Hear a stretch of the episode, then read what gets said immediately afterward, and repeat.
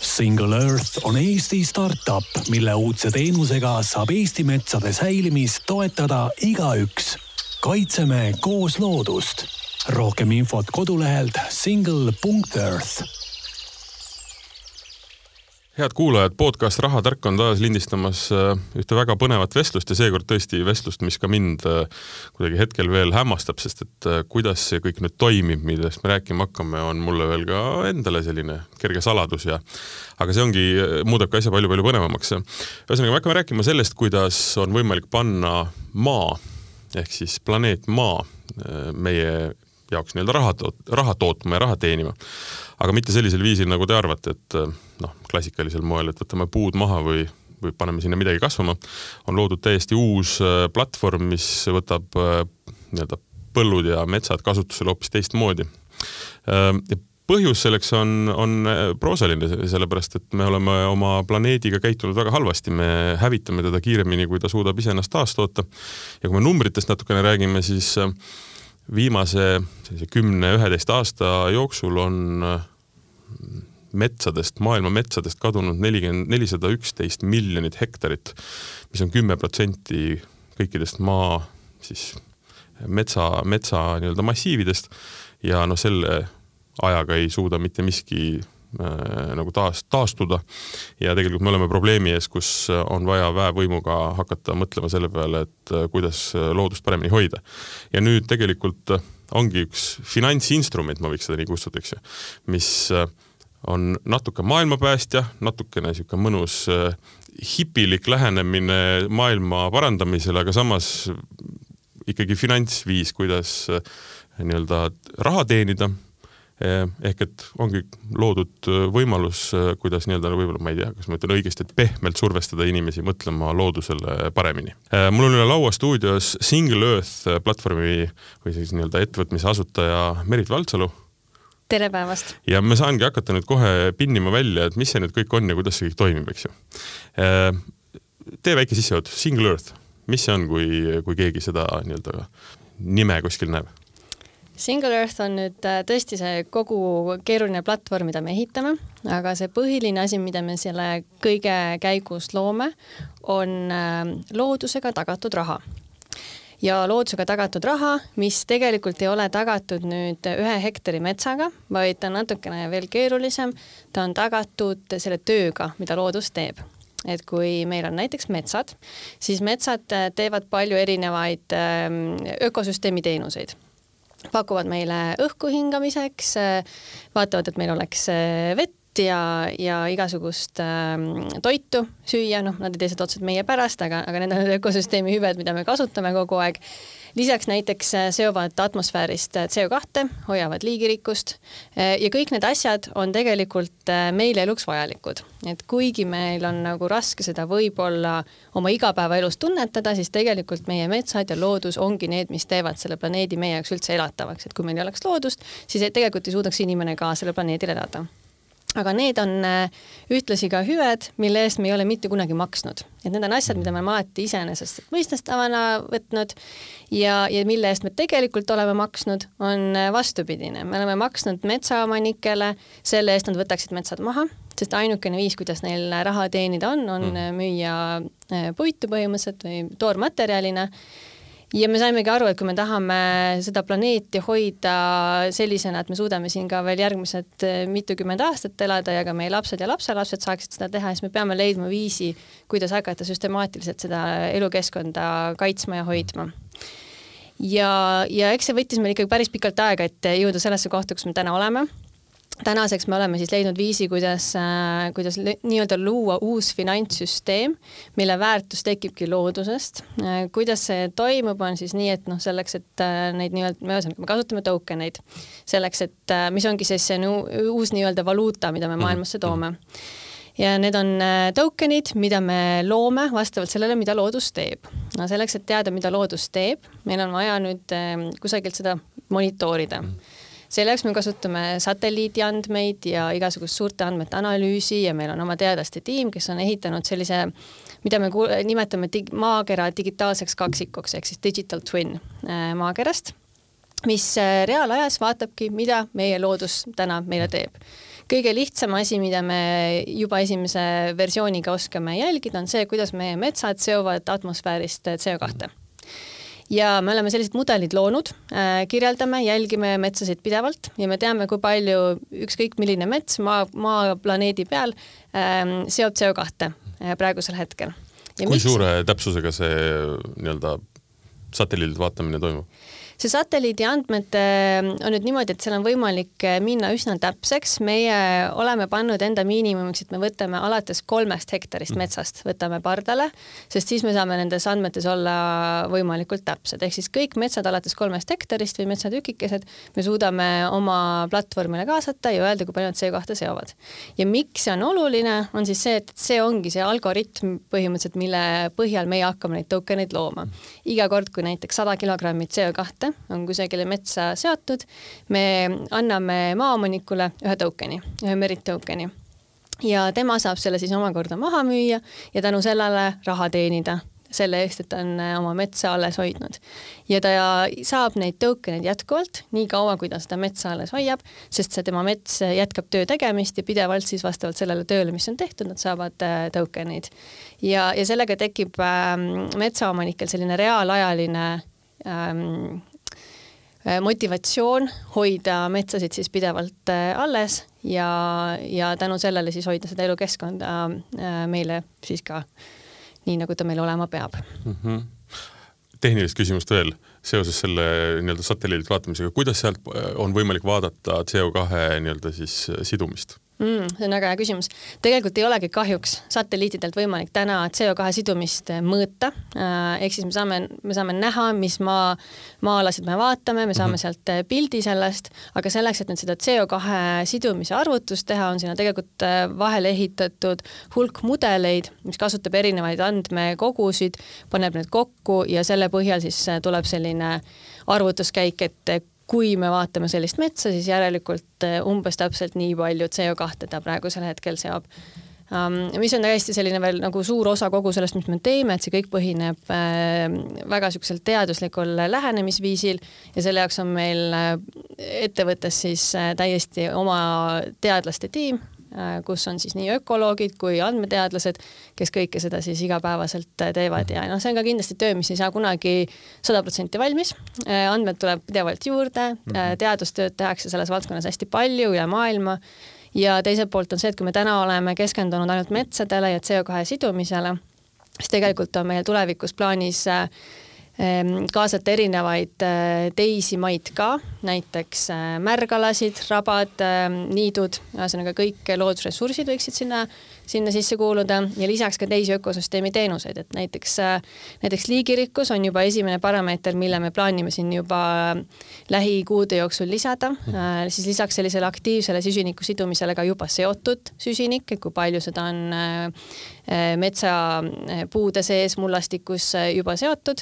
Ja tegelikult on võimalik neid ökosüsteemi teenuseid veel teisigi sinna liita, lõpetades näiteks sotsiaalmajandusliku mõjuga, mis metsal võib kohalikule kogukonnale näiteks olla. et ähm, need on kõik sellised väärtused, mida me kõik kuidagi nagu hindame, aga millel pole rahalist hinnalipikut siiamaani küljes olnud. ja, ja kahjuks on nii, et kui sellel ei ole finantsväärtust, äh, siis, siis ta mm. kipub mm. nagu üsna kiiresti hävinema, et siis ei suuda keegi seda väga hästi kaitsta, et et see oli see lahendus, mille me leidsime sellele, selle metsade hävinemisele. no on, on nii-öelda see moraalne väärtus või ütleme, põhjendus, et äh, mulle kuulub tükk Eestimaad või mulle, või mulle meeldib mets, eks ju, või, või, või siis sa kasutad teda nii-öelda iseenda tarbeks äh, äh, nagu noh, näiteks minu vanemad, et äh, metsast tuleb äh, puit iseenda jaoks, eks ju. Jah, ja see on tegelikult nüüd, ka... nüüd, nüüd on tal siis reaalne, võimalik panna külge reaalne igapäevaselt äh, siis tekkiv rahaline tulu, eks ju ilma Just. selleta, et sa peaksid tegelikult selle maaga otseselt midagi tegema, eks ju, või selle põllu või selle piirkonnaga. otseselt ei pea midagi tegema ja enda tarbeks äh, puidu võtmine on tegelikult meie platvormil ka täiesti mm. lubatud mm., et meie jaoks on eesmärk hoida metsa kui niisugust terviklikku ökosüsteemi ähm, alles Äh, mis tähendab, et lageraiet seal ei ole võimalik teha, aga selliseid valikulisi äh, raieid on, on seal võimalik mingil määral teha kohe, kui lähme, kohe lähme selle juurde, et kuidas noh, võib-olla detailsemalt see kõik toimib, eks ju, kuidas inimesed saavad äh, selle nii-öelda täna avanenud äh, portaaliga liituda või sealt nii-öelda kasu saada, siis äh, kust see idee tuli? ma ka alustaks sellest küsimusest see, idee... see ei ole selline idee, et noh, hakkan mõtlema millegi peale, et, et võiks midagi ära teha, et see on üsna, üsna fundamentaalne niisugune leid, et mis võib kõlada alguses natukene niisuguse utoopilise muinasjutuna, aga kui hakkad mõtlema, siis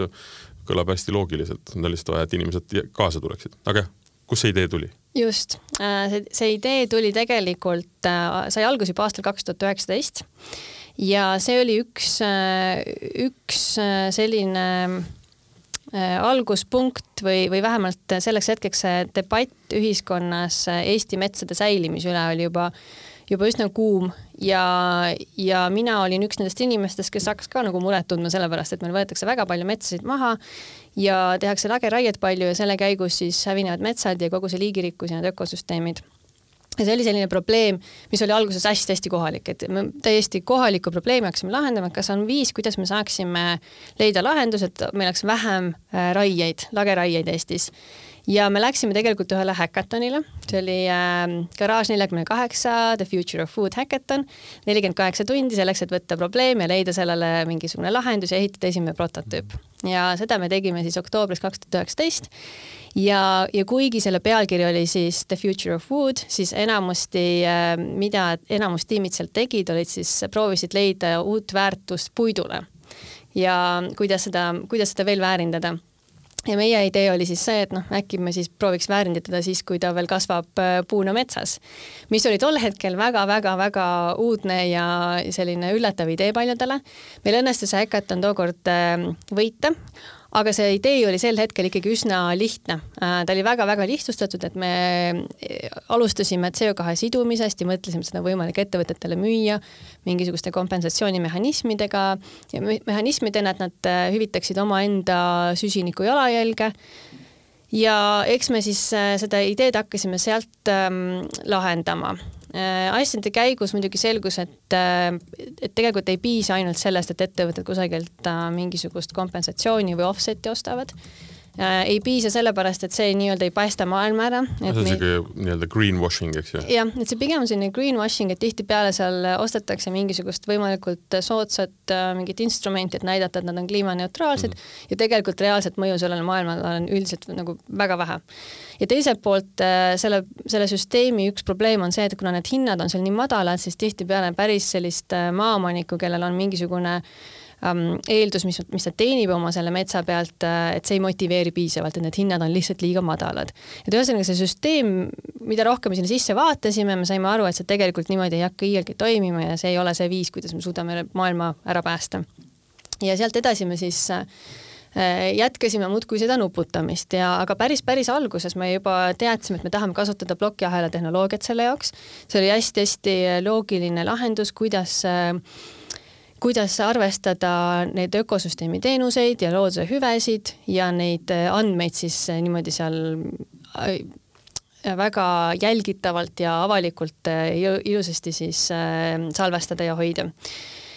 ja kui me olime seda kõike, ma arvan, et üks poolteist, kaks aastat teinud, siis me olimegi jõudnud oma teadmistega sinnamaale, et lihtsalt selline tokenite müük ettevõtetele meid siin ei aita. Ähm, ja saime aru, et meil tegelikult on ju käes suurepärane tehnoloogiline lahendus äh, ja võimalus äh, teha sellest midagi palju suuremat ja, ja loomulikult me oleme asjade käigus saanud ka aru, et ega probleem ei ole ainult Eesti metsades ja üleüldse ainult metsades, see on tegelikult igasugune looduskasutus või loodusressursside kasutus üle kogu maailma, mis tegelikult on kõik ülimalt intensiivne, sest et äh, tänane hinnalipik looduse küljes peegeldab ainult seda toormaterjali väärtust.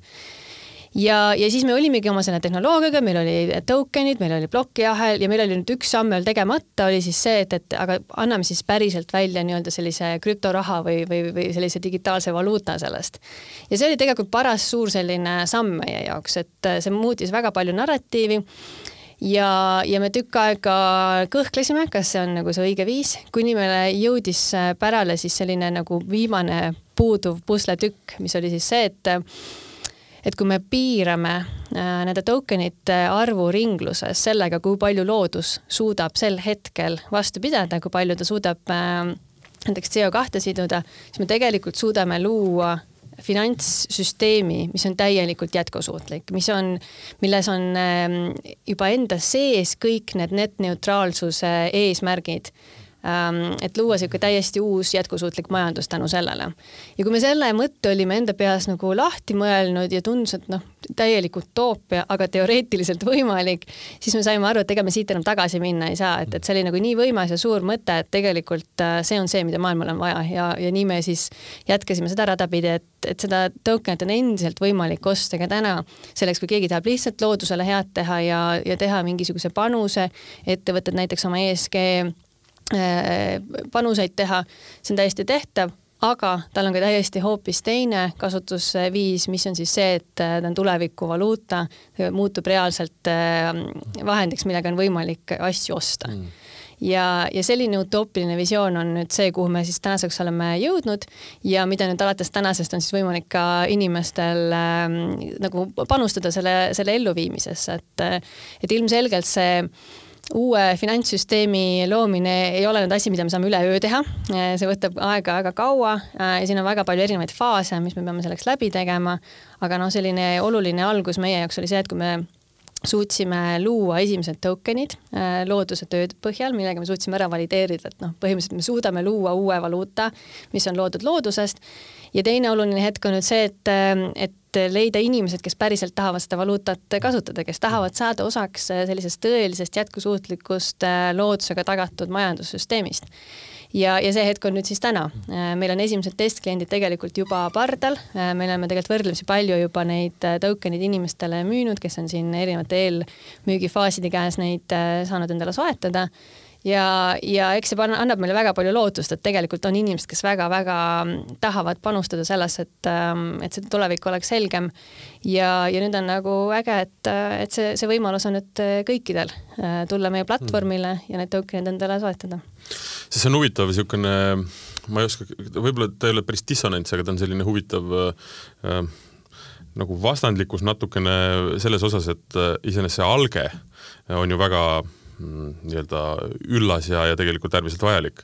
Mm, ja siis, kui me jõuame tänases maailmas nii-öelda jutuni, et see on järgmine nii-öelda krüptoraha, siis äh, noh, minu nii-öelda kahtluse niisugune tunnal läks ikkagi täiesti punaseks, sest et äh, need inimesed, kes tõenäoliselt seda äh, saadet rohkem kuulavad ja on võib-olla finantsmaailmaga noh, huvituvad sellest, on ju kuulnud erinevaid lugusid ka nendest äh, rahadest, mis on loodud selleks, et siis mingil hetkel sellega lihtsalt putku panna, selle rahaga, mis on kokku korjatud või või üleüldse, kui me vaatame täna, tänast krüptomaailma ja, ja ütleme selle siis noh, nii-öelda mahtu, mis ma ei tea, mitmekordselt on üle kogu maailma nii-öelda rahalisest väärtusest, noh, mis on ju nonsense tegelikult on ju. et ma saan aru, et nüüd äh, mul jälle tuli rahu peale, ma saan aru, et see nii-öelda ülemine piir on väga konkreetselt paigas, et sellega ei ole võimalik minna nii-öelda skeemitades äh, jälle mingisuguseks järgmiseks äh, selliseks noh mm,, hulluseks või?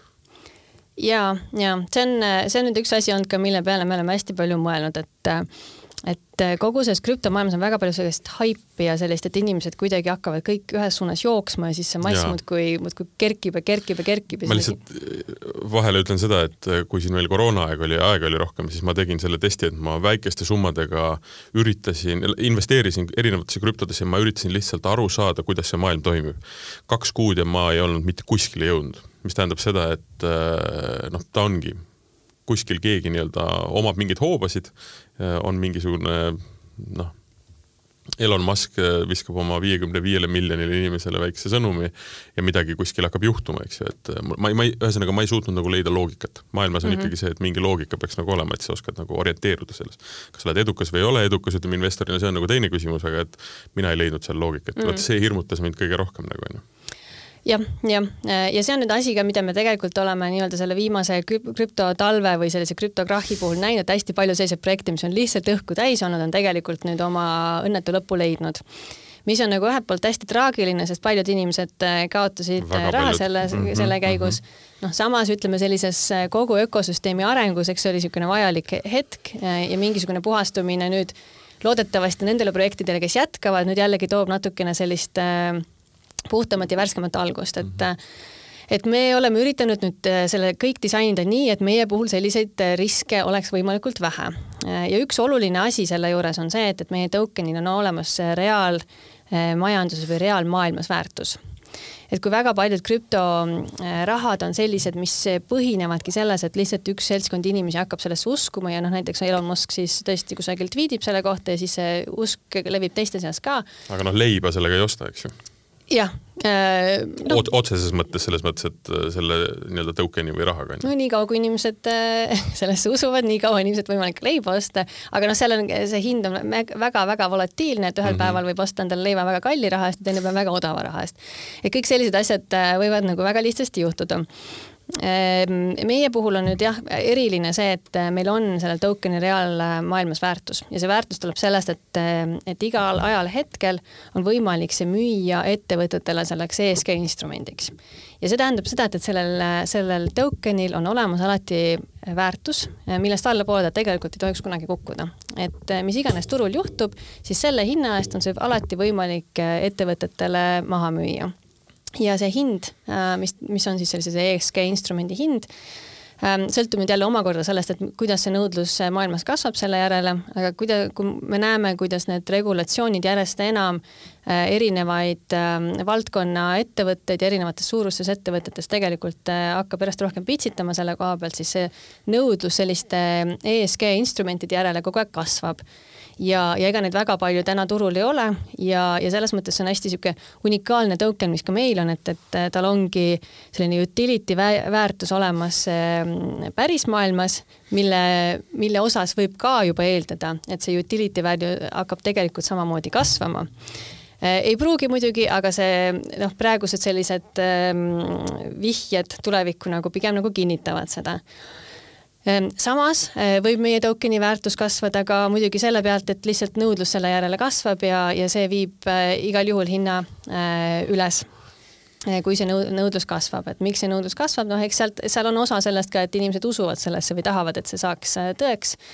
Ja, ja meie omalt poolt, mida me lisame pidevalt juurde, on see, et, et võimalikult palju erinevaid kasutusvõimalusi sellele token'ile, et et jõuda järjest suuremate mm, sihtrühmadeni äh,, siduda see token võimalikult palju erinevate igapäeva selliste tehingutega, et äh,, et see nii-öelda uue rohelise raha kasutamine saaks selliseks igapäeva osaks meie elust. Ja, ja võib-olla siis see kolmas viis, kuidas see väärtus teoreetiliselt võib potentsiaalselt tulevikus kasvada, on siis see, et me tegelikult äh, see rahasüsteemi nagu teine ots on see, et kui me, esimene ots on see, et me loome raha, eks ole, loodusest, et nii nagu loodus kogu aeg teeb tööd, nii meil tuleb kogu aeg äh, raha juurde maailma, siis teisest, teiselt poolt siis, kui me seda, neid loodushüvesid ära kasutame, siis tegelikult samamoodi läheb see raha ringlusest välja. Ehm, näiteks kui ma lähen ostan endale kohvi täna, siis, äh, siis selleks on tegelikult läinud toormaterjali sisse, et mul on mingid kohvijoad, selleks on transport ja kõik need kulud on seal sees ja kui ma nüüd lähen ostan enda Merit tokenite eest selle, siis ma tegelikult väikse osa sellest maksest ähm, või sellest tokenite arvust, mis ma maksan, võtame ähm, ringlusest välja nii-öelda põletame ära või burn ime, äh, nagu seal krüptomaailmas seda nimetatakse. Okay.. Mm -hmm. mis tähendab seda, et mida rohkem me tarbime, seda rohkem meil tegelikult läheb raha ringlusest välja. Mm ja noh, huvitav on nüüd see, et kui see, kui see kontseptsioon sellisena ellu ähm,, ellu jõuab, siis ähm,, siis me tegelikult juba teame, et inimesed tarbivad oluliselt rohkem, kui loodus seda vastu suudab panna, mis tähendab seda, et, et meie, meie limiit jõuab üsna kiiresti kätte. ja, ja sellega siis selle tokenite väärtus kogu aeg kasvab äh, ja iga asja tarbimine muutub järjest kallimaks. mis tegelikult ongi see, kuidas me suudaksime reguleerida oma tarbimist igapäevaselt. et hästi suur äh, probleem on see, et me, me tarbijatena, me ei tunneta seda, kui me liiga palju tarbime, et ma ei tea, kas, kas ma olen liiga palju teksaseid ostnud, kas ma olen liiga palju kohvi joonud, kas ma peaksin midagi vähem tegema. sest et üheski sellises tarbijaotsuses mul ei tule seda välja, et ainsad alternatiivid või võimalused oleks see, et ma siis kuidagi arvutan oma jalajälge kogu aeg kokku, et ma mingisse äppi toksin sisse ja siis pean mingit raamatupidamist oma footprint'i üle aga.... tähendab, ma vastan su küsimusele kohe jah, me kõik tarbime liiga palju. selle vastuse ma saan sulle kohe ära, ma arvan, et küsimus on selles, kui palju, eks ju. see on see küsimus. tarbime me kindlasti liiga palju. tarbime Mõttetult. kindlasti liiga palju ja, aga mis hetkel ma nüüd noh, kas ma peaks nüüd võib-olla ma ei tea, kolme ananassi asemel ühe ostma poest või mm. kus see piir läheb, et kuidas no, ma tunnetaksin mm. seda. ja kui see, kui see peegelduks kogu aeg meie hindades mm., siis oleks see tegelikult väga lihtne viis, kuidas see ise hästi hästi orgaaniliselt või, või loomulikul mm -hmm. teel jõuab mm -hmm. meile pärale, et nüüd me oleme ja. kasutanud liiga palju mm. -hmm. küsin ka niimoodi, et kuidas see nüüd siis ikkagi toimib, eks ju, et äh, mina maaomanikuna näiteks on mul noh, räägime niisugust ümmargutust numbritest, on kümme hektarit äh, põllumaad või nii-öelda põldu või, või tähendab, vabandust, metsa, eks ju. Äh, ja nüüd ma tulen sinna platvormile, panen selle omale sinna kirja, te saadate inimesed, kes vaatavad selle üle ka füüsiliselt, ma saan aru või tegelikult ainult nii-öelda ikkagi eh, jah, noh, füüsiliselt ongi võimatu, Eestis on see võib-olla lihtne, aga me räägime Just. globaalselt, eks ju. et põhimõtteliselt eh, satelliidi pealt vaadatakse kogu see asi üle, hinnatakse, algoritmid töötavad eh, aina keerulisemalt, aina keerulisemalt ja saadakse teada üks ports andmeid ja selle järgi siis arvutate välja kui palju tokeneid see mets toodab ajas? ja mis need numbrid võiksid nagu näiteks olla, ütleme täitsa tavaline Eesti segamets, kümme hektarit mis need numbrid on? no see sõltub hästi palju, mis puuliik seal peal on mm, -hmm. kui vana see mets mhm. on, mis mm -hmm. mullastikult ta kasvab, et seal ühesõnaga neid igasuguseid parameetreid on hästi palju, aga me võime võtta, et noh, näiteks üks äh, mingisugune keskmine hektar seob, ütleme, viis äh, tonni CO kahte aastas mm. -hmm mis tähendaks, et meie platvormil saaks äh, see mets ühe hektari pealt viiskümmend tokenit, sest iga token mm -hmm. sümboliseerib sadat kilogrammi. just ja, ja esimeses faasis äh, lähevad need tokenid müüki kõik fikseeritud hinnaga -hmm. mis on äh, kolm eurot mhm. ja, ja see tähendab seda, et, et äh, maaomanik või metsaomanik siis teenib äh, ühe hektari pealt sellise metsa puhul sada viiskümmend eurot aastas lihtsalt sellepärast, et tal on see mets olemas? lihtsalt sellepärast, et tal on see mets olemas ja et ta hoiab seda kasvamas ja tänu mhm. sellele saame meie kõik siin planeedil rõõmsalt elada. aga nagu me ka saate alguses rääkisime, siis tegelikult nii-öelda äh, seal on lubatud nii-öelda selle skeemi järgi teha ikkagi ju ka mingeid töid selles mõttes, et äh, noh, enda tarbeks puid võtta, selles metsas viibida, noh seda loomulikult, aga ütleme, et et kus see piir jookseb, kui tegelikult enam äh, nojah, piir jooksebki sealt, et kui ma sealt võtan mingi osa metsa pähe, siis on kohe võimalik arvutada, et see sidumine, CO2 sidumine on hoopis teistsugune, eks ju. ja just. sellega võrra ka see tokenite arv langeb kohe, eks ju. just, ja seal on mingisugused piirid, millest mm -hmm. siis meie algoritmid juba panevad hoiatuse üles, et nüüd on liiga palju maha võetud ja see mhm. mets ei ole enam tervikuna säilinud mm -hmm. ja siis neid tokeneid enam juurde ei tule mm, -hmm. et siis mm -hmm. läheb kinni ja siis ühesõnaga, kui juurde tuleb kunagi nii-öelda ka rabad ja erinevad teised nii-öelda maad, liigid, siis nende arvutus on siis järg-, noh, hoopis teistsugune, aga, aga põhimõtteliselt toimib ju samamoodi. jah, ta toimib laias laastus samamoodi, et reaalajas kogunevad tokenid selle eest, kui see maa püsib sellisena, nagu ta on. ta muutub keerulisemaks äh, mõnes mõttes sellepärast, et äh, väga paljud teised maaliigid lihtsalt töötavad teistmoodi, sellist aktiivset CO2 sidumist ei pruugi olla mm., küll aga näiteks ütleme rabades, eks ole, on väga palju äh, CO2 seotud juba ära sellesse pinnasesse mm. -hmm ehk siis äh, need mudelid lähevad järjest keerulisemaks ja noh, liga, lisaks siis näiteks liigirikkuse hindamine, mis on ka nagu üle maailma noh, nii erinev ja, ja mõnes mõttes nagu võrreldamatu, samas jällegi selliste elupaikade säilimise osas ikkagi võrreldav, et, et me proovime sellist hästi üldistatud äh, valemeid kasutada või metodoloogiat, et, et see oleks skaleeritav üle kogu maailma, sest meie eesmärk on siis äh, võtta võtta pardale maaomanikke igalt poolt maailmast. tänaseks meil on see ka päris hästi õnnestunud, et me võtsime endale selliseks äh, väljakutseks, äh, et prooviks äh, võtta pardale väikesed maaomanikud Eestist ja siis täiesti vastupidiselt ülisuure maaomaniku Brasiiliast mm..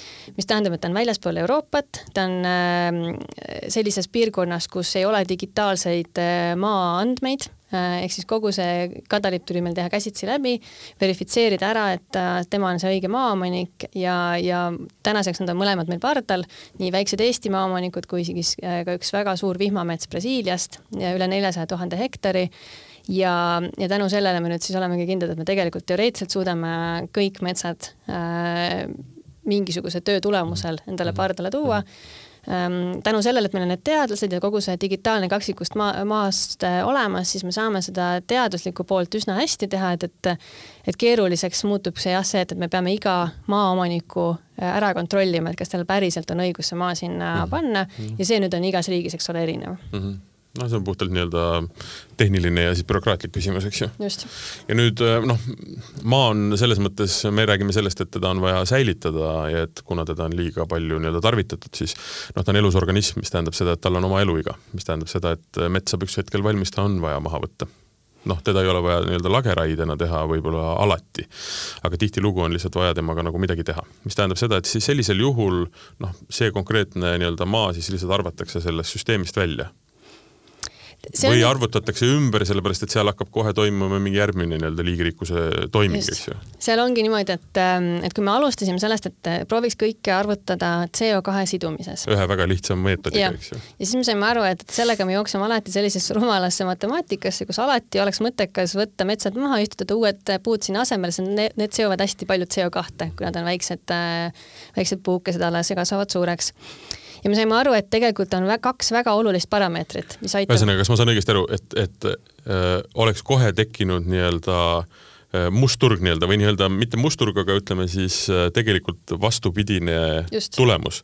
ehk et mina kui maaomanikuna lähen, võtan metsaruttu maha, panen uued puud kasvama, sest need seovad niivõrd palju rohkem ja minu nii-öelda raha teilt nii-öelda või selle token'i mõttes nagu kasvab. aga tegelikult tulemus on pöördvõrdeline. just täpselt. Ja see on nagu see Väga probleem. see on väga crazy ja see on, see on asi, mida tegelikult äh, toimub maailmas uskumatult palju mm., Mm. et väga paljud need süsinikukrediidi projektid on täpselt sellised, et see on uskumatu, aga nii on väga paljud need mm. ettevõtted, kes on offset'i ostnud metsade istutamist, on tegelikult maksnud raha täpselt selle tegevuse eest. ja see oligi üks esimesi asju, mis meile tundus täiesti absurd, et kuidas on võimalik, et et metsa väärtus seisneb selles, et ma võtan selle maha ja panen sinna uue metsa kasvama, aga kui mul on mul on äh, ilus vana mets, siis sellel ikkagi järsku nagu, nagu pole väärtust ja, ja sellepärast me saime aru, et see võrrand eh, ei saa olla, põhineda ainult eh, CO2 sidumisel. Eh,, seal tuleb arvestada ka liigirikkust ja juba seotud süsinikku. Kui me lisame need sinna võrrandisse, siis me näemegi seda, et kui on vana mets, tal on süsiniku sidumine on madal, küll aga on tal kõrge liigirikkus ja küll tal on kõrge juba seotud süsiniku hulk mis tähendab seda, et, et see tegelikult eh, ajas eh, lihtsalt muutuvad need eh, parameetrid, mille eest neid tokeneid luuakse.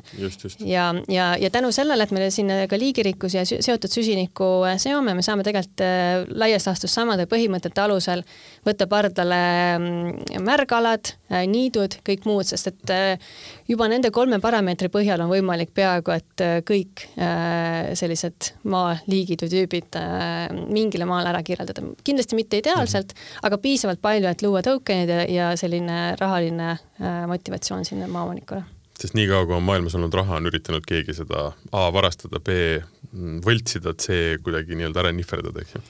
et on ja. vaja luua süsteem, mis oleks ikkagi, ütleme eriti just ütleme finantsmaailmas, ta peab olema ikkagi igast otsast nii-öelda nagu kontrollitud ja kinni loksutatud. absoluutselt ja noh, ja me ei lõpuni ole ei saa seda teha nii-öelda paberil kindlasti, et nüüd, kui see platvorm lahti on, hakkab nägema, mis nagu päris maailm tema ka teeb, eks ju. aga noh, põhimõtteliselt nii peaks ta kõik alguse saama, onju. no just ja eks me oleme näinud ka esimesi maaomanikke, kes on tulnud äh, meie platvormile ja pannud oma hiljuti raiutud äh, maatüki sinna ja, ja lootnud, et äkki läheb süsteemist läbi aga, aga me ikkagi siiamaani loodetavasti oleme nad kõik äh, välja leidnud ja ikkagi kontrollime kõige viimasemate satelliidi andmete põhjal ja kui seda metsa seal ikkagi ei ole, siis me ikkagi peame ei ütlema nendele metsaomanikele. ma küsin veel niimoodi, et äh, tuleb täna metsaomanik, paneb endal see kümme hektarit sinna kirja.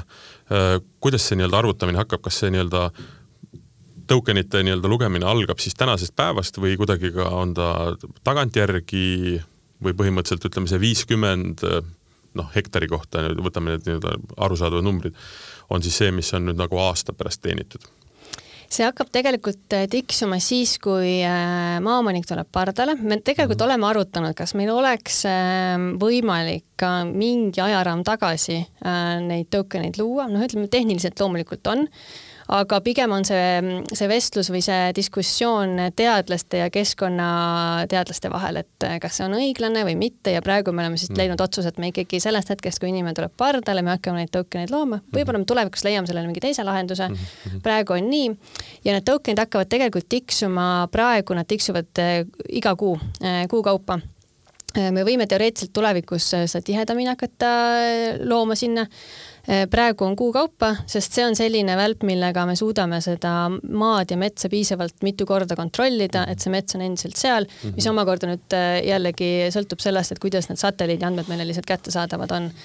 Ja, ja tulevikus ilmselt me muutume järjest rohkem reaalajalisemaks, et see on tegelikult eesmärk, et, et noh, tehniliselt me võime ju äh, neid tokeneid ka poole või null koma ühe kaupa äh, maaomanikule tekitada. no maa ja metsaga ei ole selles mõttes nii kiire, et see kuu on päris ka juba üsna kiire see kuu on reageerimine, eks ju. see on päris, päris kiire reageerimine, me mm. tegelikult saame võrdlemisi kiiresti, meil on eraldi sellised süsteemid loodud, mis tegelikult meile kohe sellised teavitused annavad, kui midagi hakkab kusagil muutuma mm. -hmm, mm -hmm.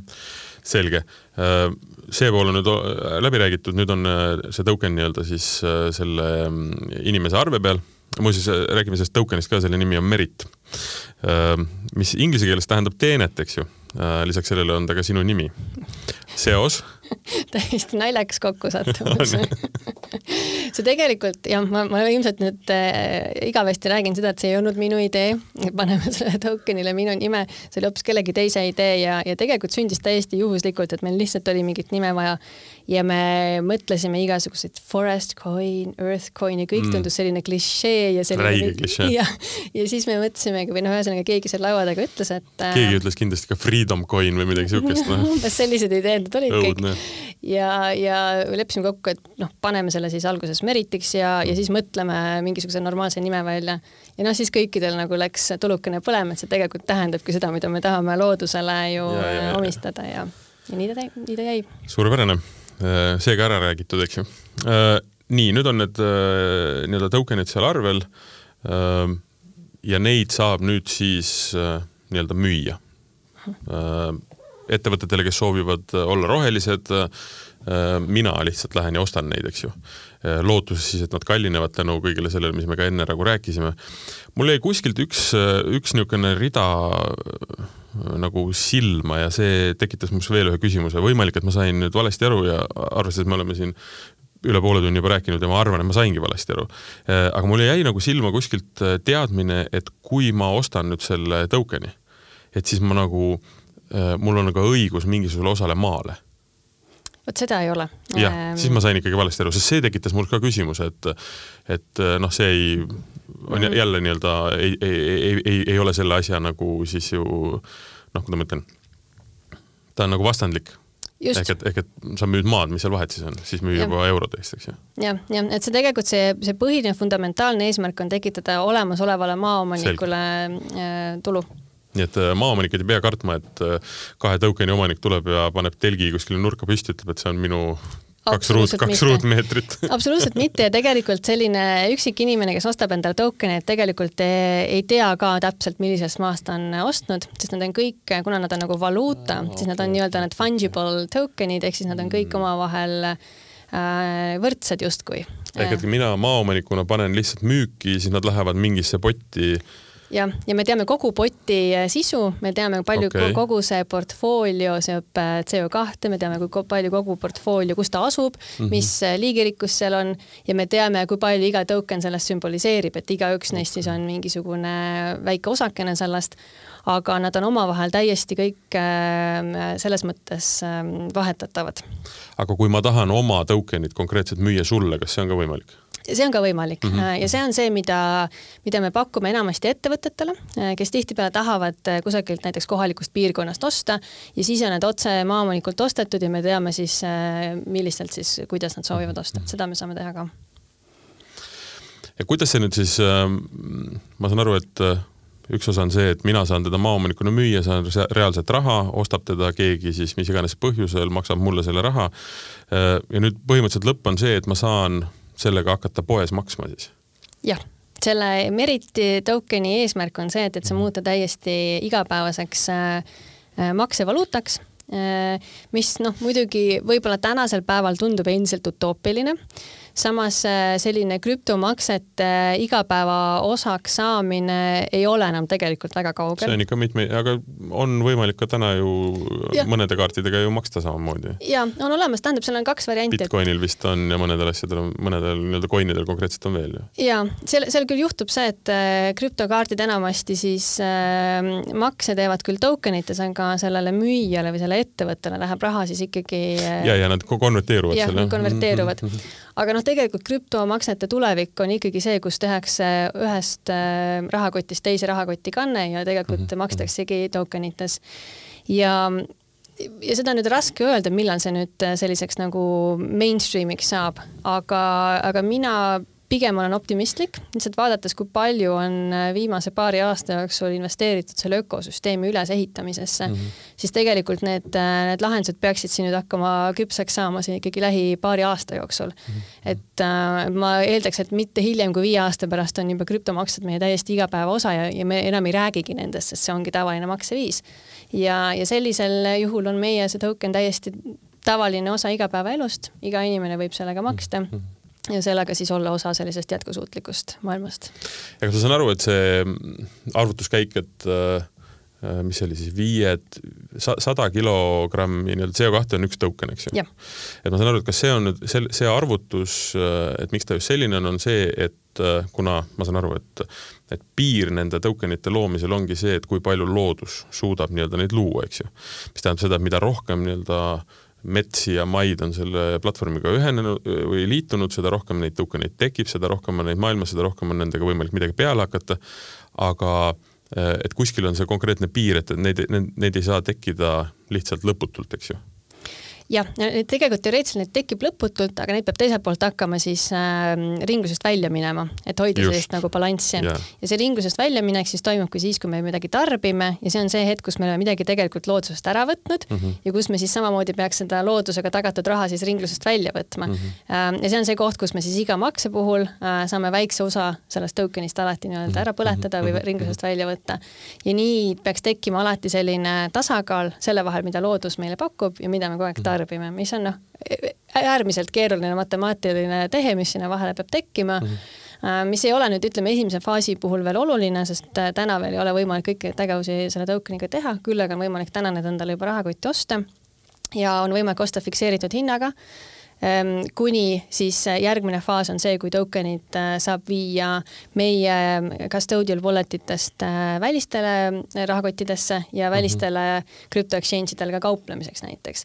et see hakkab sellise mm, samm-sammu mhm. haaval selline ökosüsteemi ülesehitamine, kus me pidevalt siis, meie huvi on siis jälgida ka, et kuidas see, kuidas see asi niimoodi välja Äh, rollida, et see siis lõpuks äh, saaks päriselt toimima valuutana, mis tähendab, et ta peab olema ka mingisugune hinnastabiilsus, mis on omakorda seotud siis sellega, et ta peab olema ka siis see nii-öelda reaalmajanduslik äh, väärtus ehk siis see utility value, mis tuleb sellest ESG instrumendist, nii et see on üks, üks ülimalt mitmetahuline süsteem, mida me ja. ehitame ja mida me üritame nüüd niimoodi väga väikeste sammude kaupa välja tuua, et inimesed suudaksid sellega kuidagi mm -hmm. sellest mm -hmm. igast sammust aru saada ja siis igas, iga sammuga pardale tulla meiega selle idee muidugi niisugune ankur äh, on see, et äh, ta on seotud konkreetse loodusega, mida meil on väga konkreetselt mõõdetav ja välja arvutatav hulk. ja spekuleerida sellega on keeruline, kui sa just ei hakka ehitama nii-öelda saart merre või, või tegema mingeid muid asju. ja samas, kui sa nüüd äh, noh, istutad puid, siis see ongi asja eesmärk, eks ju, et saada, saada nagu loodus paremaks. ehk et see annab muidugi kindlust, et, et ta ei ole noh, ei, ei muutu spekulatsiooniks. nüüd noh, nagu iga nii-öelda rahaga, see, kui ta läheb, noh, sa ütlesid ka, et ta läheb nii-öelda sellest teie platvormi süsteemist, läheb välja kuskile mujale ja hakatakse nii-öelda ostma ja müüma, noh, sellega on nagu iga asjaga. vahet ei ole, kas ta on autorehvid või teksapüksid, nagu me rääkisime, või ananass kaubelda on võimalik kõigega, eks ju, ja nüüd sõltub, on ju, kus on nõudlus, kus on pakkumine. et selles mõttes tundub, tundub väga, väga võimas idee tõesti. algus on natuke keeruline tõesti nii-öelda pead selle ümber nagu väänata, eks ju ja mm., ja eks see ja see on ka meie üks suur väljakutse, et, et kogu noh, tegelikult ega me ei tea, tavatarbija ei tea, kuidas tavaline raha ka tegelikult töötab, et me peame seda tegema ei, nii. ei olegi oluline tegelikult. ei olegi oluline mm et äh, see on nagu meie niisugune lisaväljakutse, et kuidas teha nii, et, et metsaomanik, kes võib-olla varem ei ole krüptoga kokku mhm, puutunud, et kuidas mhm. tema kasutaks seda platvormi nii, et ta tegelikult ei tunne et ta mingisuguse keerulise tehnoloogiaga peab tegelema ja see on see põhjus, miks me oleme teinud oma sellise marketplace'i, ehk siis meie platvormil on võimalik teha sellist äh, Äh, eurodest äh, token'i vahet, vahetamist mm. -hmm. mis tähendab seda, et, et meie platvormi kaudu saab metsaomanik juba oma eurod kätte ja täiesti tavaline inimene, kellel puudub võib-olla igasugune kokkupuude seni igasuguste krüptoinstrumentidega, saab enda esimesed token'id ülimalt mhm. lihtsalt meie mhm. käest et, et see on nagu selline meie võib-olla ka niisugune filosoofiline lähenemine, et kuna me usume, et krüptost saab igapäeva osa mm, -hmm. siis, siis see ei tohiks jääda selliseks äh, eliidi äh, mingisuguseks äh, meelelahutuseks või tegevuseks, et, et ainult mingid väga teadjad inimesed suudavad seda osta. vot see on väga hea, et sa just sellesama lause ja selle eliidi nii-öelda niisuguse nurga siia sisse tõid, ma tahtsingi kuidagimoodi selle järgmise küsimuseni jõuda, et äh, hetkel tõenäoliselt ta on eliidi teema ja mitte eliidi teema, mitte üldse halvustavalt mm -hmm. rikkad, jõukad, vaid küsime inimesed, kes on teadlikud. noh, räägime inimestest, kes hoolivad. Mm, kahjuks nende hulk on noh, ütleme paberil võib-olla neid palju, aga reaalmaailmas on neid vähe, eks ju.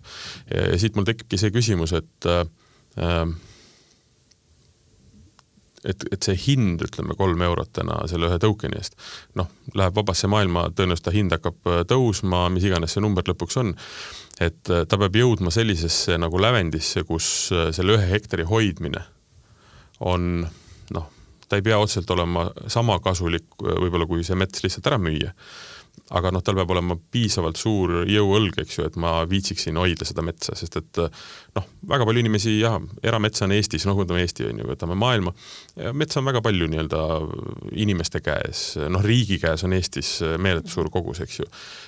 Neil ei ole probleemi seda hoida, aga on ka väga palju neid, kes noh, et tal ei ole nagu väga vahet, eks ju et kas ta müüb või ostab või keegi teeb pakkumise, ütleb, et näed, siin on tuhat eurot rohkem ja tegelikult mm -hmm. see mets on läinud, eks ju et, et kuidas seda tagada, et ta, et ta noh, ei jääkski nii-öelda selle protsendi mm. eliidi nii-öelda pärusmaaks, kes tegelikult väga hindavad seda metsa mm. ja hindavad seda ideed, mis on tegelikult väga vinge ju mm,.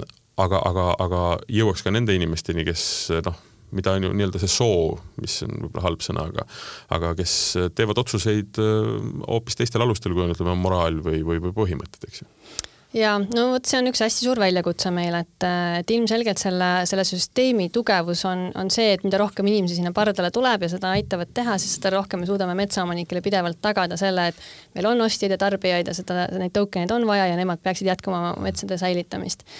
Aga selleks, et võimalikult palju inimesi pardale saada, nüüd äh, tulevad sisse igasugused sellised äh, nii-öelda consumer fintech lahendused ja igasugused äh, igapäevapanganduse lahendused, mille külge me ennast poogime, et teha ühesõnaga saavutada selline olukord, kus inimene saab jätkata oma täiesti tavalisi igapäevategevusi, me vahetame välja selle valuuta sealt alt lihtsalt mm. -hmm. ja tänu sellele nad juba saavad eh, panustada igapäevaselt maailma hoidmisesse, sest nagu üks oluline õppetund meil on ka see, et inimesed, kes on väga-väga hoolivad loodusest, eh, siis vaatamata sellele selliste lisategevuste tegemine maailma päästmiseks eh, on ikkagi väga väike osa, kes, kes seda teevad, et pigem on nii, et kui on võimalik teha valik, kas ma kasutan noh, ma ei tea, pangakaarti A või pangakaarti B, teades, et B on jätkusuutlik, pangakaart A ei ole, noh siis ma teen selle valiku, mul on kaks võrdset asja, üks neist on lihtsalt loodusele parem, siis mul on väga lihtne seda valikut teha, ma võtan selle, mis on loodusele parem.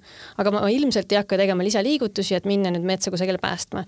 ja see on võib-olla ka see, see strateegia, mida meie oma peas äh, proovime siis äh, tuua et teha see igale inimesele nii kättesaadavaks, et ta tegelikult ei peagi mõtlema enam selle mm. peale, et kas ma nüüd teen selle valiku või mitte, vaid tal ongi need token'id, ta juba kasutab neid ja ta juba teeb tegelikult maailmale väga-väga-väga palju head, võib-olla ise seda sel hetkel isegi otseselt tunnetamata mm. -hmm. ei, seal on kindlasti kohti, kus on vaja veel väga palju nii-öelda asjadel lihtsalt paika loksuda, eks ju. sest noh, metsaga on ka vaja selles mõttes tegeleda, ta, ta võtab ka mingisugust, vajab mingit väljaminekut, et, et teda tegelikult hooldada ja nüüd ongi noh, et, et, et see kõik peab olema kasumlik ka lõpuks. et, et nii-öelda äh, tavainimene võtaks kasvõi noh, lihtsalt mm, kulutaks oma raha, ostes äh, ühe noh, lageraies, lageraide läbi teinud nii-öelda mis iganes suuruses maa, sellesama eesmärgiga, et mingil hetkel panna ta sinna platvormile ülesse ja et hakata teenima tulu, äh, mis siis ületab või on sama nii-öelda kõikide kuludega, on seostatud laenuga või millega iganes, lihtsalt sellepärast, et noh, las ta olla. mingil Just. hetkel on tema väärtus kümme, võib-olla kakskümmend korda suurem et ja. see, see tase tuleb nagu saavutada, eks ju. ja tegelikult me oleme esimestele metsaomanikele teinud esimesed väljamaksed mm, -hmm. et esimesed metsaomanikud on sellest süsteemist juba teeninud ja see oli nagu üks põhiline tagasiside, mis me kuulsime, et tahaks nüüd veel metsa osta, et rohkem platvormile -hmm. panna, et juba ja, see selline tunne nagu tekkis, et siin tegelikult võiks see ärimudel niimoodi tööle hakata. Ja kui ma veel korraks äh, lähen tagasi selle teema juurde, et on vaja mingisugust raha, et seda metsa säilitada, et seal, seal on mingid seotud kulud, siis väga huvitav äh, näide on tegelikult sellest Brasiilia vehmametsast, ähm, kellega me seda hinnaläbirääkimist ka tegime, et mis see alguse hind võiks olla, siis see kolm eurot tuligi sellest, et neil on vaja teatud summat äh, reaalselt selleks, et seda metsa kaitsta, kuna seal on väga palju sellist illegaalset äh, raiet, siis tegelikult nemad peavad reaalselt füüsiliselt koha peal seda metsa seal ka valvama ja kaitsma. Ja sellega seoses on neil väga palju kulusid, mida nad nüüd selle süsteemi kaudu eeldavadki siis äh, vähemalt teenida mm, -hmm. et see oleks mõttekas neil seda metsa säilitada seal. Ehk et varasemalt nad oleksid läinud lihtsalt saagidega jälle mingi väikse hulga kallale, saanud sealt raha, maksnud ära nii-öelda selle Just. ülejäänu säilitamise, aga tegelikult kogu aeg on ju miinusmärki juures asjal, eks ju. just, sest ne nemad on reaalselt metsaomanik, kellel on olemas ka raport, kui palju nad võiksid sealt metsa maha mhm, võtta mm -hmm. ja me mhm. räägime siin täiesti puutumata vihmametsast tegelikult mm, -hmm. et, et see on meie jaoks ikkagi üks väga-väga suur äh, töövõit, et nemad on meiega pardal ja seda metsa nad tänu sellele süsteemile juba hoiavad ja ühesõnaga, kui lihtne või, või kui keeruline on metsaomanikke saada või maaomanikke saada nii-öelda pardale? kusjuures üllatavalt palju lihtsam, kui me arvasime. Äh, kindlasti on neid, kes on nagu skeptilised, aga väga paljud on nõus äh, katsetama, sest kaotada pole laias laastus midagi, kui see süsteem ei hakka tööle, siis ei hakka tööle, kui hakkab tööle, siis neil on väga palju võimalik sellest võita ja, ja üks huvitav teema, mis veel äh, võib-olla väljaspool Eestit on rohkem tulnud teemaks, on see, et, et on olemas need igasugused süsiniku krediidisüsteemid, Äh, aga tuleb välja, et need ei ole ikkagi inimestele üldse mitte kättesaadavad, sest et äh, seal on väga palju äh, alustamiskulusid, et saada endale sertifikaadid, mis tähendab seda, et enamus metsaomanikele see üle maailma ikkagi ei ole kättesaadav või kui on, siis on see väga kulukas ja, ja pikk teekond ja, ja lõpuks taandub tihtipeale sellele samale rumalale matemaatikale tagasi, mis me enne arutasime, kus, kus rohkem krediiti saavad need, kes metsa maha võtavad ja uue istutavad. ehk siis sellist ärimudelit, mis lihtsalt metsa säilitamist toetab, toetab äh,, ei ole tegelikult maailmas endiselt mm. äh, sellisel skaalal olemas ja sellepärast on äh, metsaomanikud olnud väga-väga huvitatud sellest, et tuleb pardale ja proovida see kõlab väga põnevalt just selle osas, et, et keegi ei ole nagu varem noh, mõelnud sellele. tundub tegelikult väga lihtne mõte ju. no mitte võib-olla lihtne mõte, ütleme kogu see kontseptsioon on mm., on pikalt, ütleme, laagertunnid saanud paika, aga noh, üleüldiselt, et panna mingi asi niimoodi tööle aga lihtsate ja loogiliste ja geniaalsete mõtetega ongi niimoodi, et nad seisavad sul, ripuvad nii-öelda silme ees ja keegi neid ei näe, eks ju no vot, see tegelikult ongi, et kui me selle lõpuks nagu ka nagu läbi mõtlesime, siis tundus mm -hmm. kohe nagu nii loogiline, et nagu et uskumatu, et meil sellist asja praegu ei ole, et uskumatu, et me üritame kliima ja liigirikkuse eesmärke täita, aga meil ei ole tegelikult majandus- või, või finantssüsteemi, mis seda toetaks mitte mingil viisil ja seda tegelikult on võimalik nüüd luua kindlasti ei olnud seda võimalik luua mõnikümmend aastat tagasi, meil ei olnud andmeid, meil ei olnud võimalik seda kõike luua selliselt, meil ei olnud seda kogu seda Web3 keskkonda või mm. ökosüsteemi. nüüd on tehnoloogia siin, kus me saame seda tegelikult teha ähm,. Et... aina täpsemaks läheb ja aina rohkem tuleb Just. võimalusi juurde, eks ju. jah, et mhm, tegelikult mm -hmm. see on hästi-hästi lahe koht, kus olla, et kogu see tehnoloogia areneb ja, ja sellised utoopilised ideed on nüüd täiesti teostatavad um, kui sa vaatad nüüd tulevikku, mis, mis nagu saama hakkab või mis sa loodad, et saama hakkab? ma küsin seda kahe poole pealt, esiteks see, et, et mis peaks olema see, mis nüüd juhtub lähima, ma ei tea, aasta-viie jooksul, et see asi tegelikult nagu käima läheks, eks ju. ja siis võib-olla veel pikem küsimus, et mis sa ise loodad, et mis tast nagu saab või kuidas ta on, et mis nüüd esimese äh, aasta-viie jooksul äh, võiks juhtuda, ma usun, et juhtub ka, on see, et, et krüptomaksetest saab selline mainstream äh, viis, kuidas, kuidas maksta oma igapäevateenuste ja toodete eest. kui see juhtub, siis on meil olemas nagu hästi-hästi lahe instrument ja, ja võib-olla suurem põhjus äh, hakata neid makseid tegema kui see, et, et see on väga Ehm, väga efektiivne süsteem mhm. iseenesest juba, aga nüüd on sellel ka päris äh, positiivne mõju meie elukeskkonnale. ehk siis see on nagu selline üks asi, mis on äh, meist nagu põhimõtteliselt sõltumatu või meie ei saa seda otseselt kontrollida, see ei ole meie kontrolli all. küll aga kui see teoks saab, siis, siis see annab meile väga suure tuule tiibadesse juurde. noh, aga te olete ka üks nii-öelda jälle tilk selles karikas, et see aina noh, mõistlikumaks muutub, on jälle viis, kuidas nii-öelda tekitada, tekitada väärtust, eks ju. just, et tänu sellele ja. võiks tegelikult huvi selliste süsteemide jah, ja, ja mhm. kasvada ja, ja see pikk unistus äh, on ikkagi see, et sellest saab äh, globaalne maksevahend, et äh, sellest saabki sellise fundamentaalselt jätkusuutliku majanduse põhialus, et me suudame tänu sellele kogu oma majandustegevuse keerelda või, või keerata nüüd nagu looduse ümber, et loodus oleks alati see keskpunkt mm, -hmm. millest, millest väljapoole majandus ei kasva, aga noh, see on ilmselgelt veel eriti pikk ja keeruline visioon ja nõuab ikkagi väga palju üle maailma inimeste sellist ühe, ühtset tahet ja koostööd, mis noh, ilmselgelt on ka võti kliimamuutuste ja, ja liigirikkuse kao vastu võitlemisel. no vot, see on ähm, juba selles mõttes on ta hästi-hästi põnev mõte, et äh, me vist alustasime ka seda vestlust sellega, et äh, kui sa mõtled, noh, mõtleme metsa Eestis, eks ju, siis tegelikult me näeme tema väärtust täna ainult selle konkreetse palgina.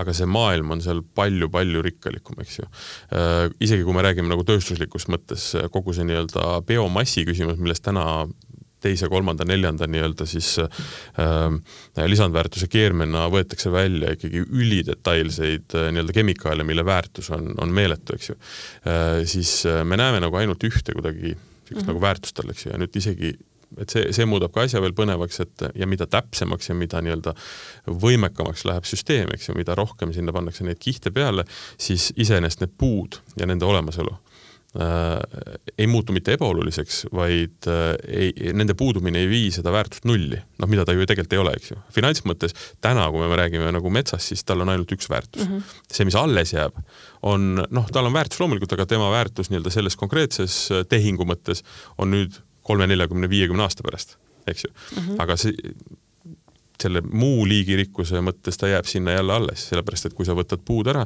sinna on võimalik panna kasvama seeni, millest on võimalik teha uskumatuid asju, on ju. ja see on teistpidi väärtus. okei okay,, ta ei seo CO2, aga tema väärtus nii-öelda biomassina või mingisuguse järgmise äh, nii-öelda toormena on ju täiesti hindamatu, eks ju. mida tähe, mida täpsemaks seda kõike on võimalik arvutada, siis äh, jällegi väärtus, eks ju. et ja. ei ole ainult puu või ei ole ainult nii-öelda siis see seotud CO2, mis on noh, ma saan aru, lihtne alustuseks mm, -hmm, eks ju.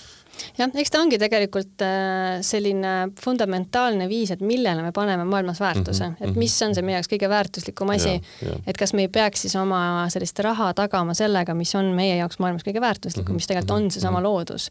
et kui varem on raha olnud tagatud näiteks kullaga, noh, see on ka loogiline, ta on limiteeritud, seal on nagu täiesti arusaadavad põhjused, aga kuld ei aita meil otseselt kuidagi ellu jääda mm. -hmm. et loodus on selles mõttes sama hea nagu kuld, aga, aga veel parem. -hmm. et ta on reaalselt meile eluks vajalik. ja kulda, hõbedat, teemante on, on kõvasti, eks ju, ja mitte midagi nendega rohkem teha ei ole, kui okei okay,, kulla-hõbedaga on võimalik teha tehnoloogias hästi palju asju, aga põhimõtteliselt ja. ikkagi on nad, jah, süüa teda ei ole võimalik ja sooja ta ei anna, eks ju. just mm ei, see on hästi-hästi põnev maailm ja see on just äh, kihvt äh, järjekordne areng äh,, nagu sa ka ütlesid, et mis ta kümne aasta eest ei oleks võimalik lihtsalt olnud teha, et täna ta on nii-öelda käega katsutav ikka täitsa juba. täna ta on käega katsutav ja sellised esimesed sammud on nagu täiesti realistlikud ja, ja kui see nii jätkub, siis ähm,, siis see tegelikult äkki ei olegi utoopia. et äh, see kõik on täiesti realistlik. ma arvan, et see ei ole utoopia, sest et äh, ütleme, kui sa oleks mulle kümme aastat tagasi seda tulnud rääkima siis ma oleksin äh, kuulanud viisakalt ära, noogutanud ja siis äh, pidanud seda ühe väga, ütleme, üheks väga tõsiseks asjaks, aga, aga võib-olla niisuguse ühe väga ikkagi kitsa kildkonna mm -hmm. selliseks äh, sooviks maailma parandada, siis täna ma ei näe mitte mingit põhjust, miks ei võiks olla äh, jah, üks nurgakivi ta ei saa kindlasti, ütleme, mitte et ta ei saa, aga, aga pigem on ta veel üks paralleelvõimalus, eks ju, et noh, et, et ega midagi ei ole teha, ega paberraha ei kao kuskile, eks ju, ega nii-öelda see süsteem, finantssüsteem ei kao lõpuks kuskile, et see ei ole mitte küsimus, et inimesed hindaks loodust, aga see on lihtsalt ütleme võimu ja võimu küsimus ja ütleme noh, ega vana, vana asja kohe uueks ka ei keera, eks. ja ei, eks see, see on oluliselt keerulisem, kui, kui võib-olla nagu lihtsalt peale vaadates tundub. aga eks iga asi peab kusagilt alguse mhm. saama mm -hmm. ja, ja eks me näe, kuidas kogu maailm selle asja endale omaks võtab mm, -hmm. sest, sest jah, lähiaastad ja lähiaastakümned on ju väga kriitilised mm -hmm. selles osas, et kuidas me tegelikult selle maailmana edasi saame toimida, nii et see planeet et see suudaks säilida siin sellisena, nagu ta meil on, et, et eks me näe, mina näen seda, et, et raha, et loodusega tagatud raha sellisel moel võiks olla tegelikult äh, kogu maailma funktsioneerimise üks nagu alustalasid. ilmselgelt seal on väga palju igasuguseid mm. muid asju ka, et ega me ei pääse tänu, selle tõttu me ei pääse nüüd mingisugustest energeetikaprobleemide lahendamisest ja kõigest muust, et see kõik peab nagu ühtsena toimima mm., aga, aga äkki see raha seal aitab seda kõike kuidagi koondada kokku ühtseks äh, süsteemiks. ma arvan, see grant on ikkagi see konkreetne maa, sellepärast et äh, vaata, me kõik soovime lihtsaid ja toimivaid asju. Ja nüüd täiesti kummalisel kombel see on toimiv ja lihtne asi. Selles mõttes, et kui me võtame kõik ülejäänud krüpto, noh, räägime seal mingitest kaevandamistest ja siis me peame leidma, noh, ühesõnaga, et, et lihtsalt paralleelina, et, et juba puhtalt nii-öelda see kaevandamine et seda raha saada, on niivõrd loodust kahjustav, eks ju. pluss ma pean tegema mingid kulud, ma pean tegema mingisuguseid asju, et seda noh, see on töö ikkagi. Äh, mitte midagi töö vastu, aga ta ei teki iseenesest mm. -hmm. see on nüüd konkreetne asi, mis tegelikult tekib nagu iseenesest. ütleme, see garant ja see põhialus on tegelikult see, mis on juba olemas, seda ei ole vaja luua kuidagi. nüüd on lihtsalt küsimus, kuidas seda kasutada, on ju. just, ja kui ongi näiteks Bitcoini puhul see energiakasutus on üks väga-väga suur mm -hmm. probleem sellega seoses, siis meie kasutame. siis seda ei ole, sest me kasutame seda nii-öelda proof of stake plokiahelat, mis, kus mm -hmm. tegelikult ei ole vaja neid äh, energiakulukaid arvutusi üldse mm -hmm. pidevalt teha mm. -hmm väga kihvt, aitäh sulle, et sa minuga vestlema tulid, see oli tõesti silmi avav ja, ja väga mõnus, ma soovin edu ja ma arvan, et me saame sellest räägi-, sellest nii-öelda single earth lahendusest rääkida veel päris, päris palju. aitäh, aitäh kutsumast! ühesõnaga, tänasest on see nii-öelda portaal lahti või õigemini platvorm lahti. Äh, saavad maaomanikud panna oma metsad sinna üles, hakata ootama raha jah, ja lisaks metsaomanikele, metsaomanikud tegelikult saavad, on seda juba mõnda aega saanud mm -hmm. teha, tänasest saavad nüüd kõik inimesed tulla, osta endale tuleviku raha, rahakotti hetkel küll natukene nii-öelda siis entusiasmist ja ootuses, et tulevikus saab teda nagu konkreetselt hakata kuskil kulutama, aga tegelikult täna on tal juba väärtus ja on tegelikult ka edasi müüa, eks ju. just, ja see on hästi oluline selleks, et kogu see süsteem käima hakkaks ja. nüüd, äh, mida rohkem inimesi on tuleb, seda tõenäolisemaks ja ägedamaks see läheb. selge, igale eestlasele vähemalt kümme meritit, eks ju? vähemalt. selge. suur aitäh sulle. Mina olen saatejuht Martin Hanson, saade, mida te kuulasite, oli Rahatark. me rääkisime ühest äärmiselt ägedast ettevõtmisest, mis äh, ma arvan, läheb maailmas revolutsiooni tegema äh, nimelt Single Earth nimelisest platvormist ja mul oli väga hea meel, et üle laua istus selle platvormi asutaja Merit Valdsalu Äh, järgmine saade tuleb jällegi üllatus-üllatus rahast ja hoopis teistel, teistel teemadel, aga me jääme ikkagi selle juurde, et äh, tutvustada teile võimalusi oma raha paremini kasutada ja panna see teenima. Single Earth on Eesti startup, mille uudse teenusega saab Eesti metsade säilimist toetada igaüks. kaitseme koos loodust. rohkem infot kodulehelt single.earth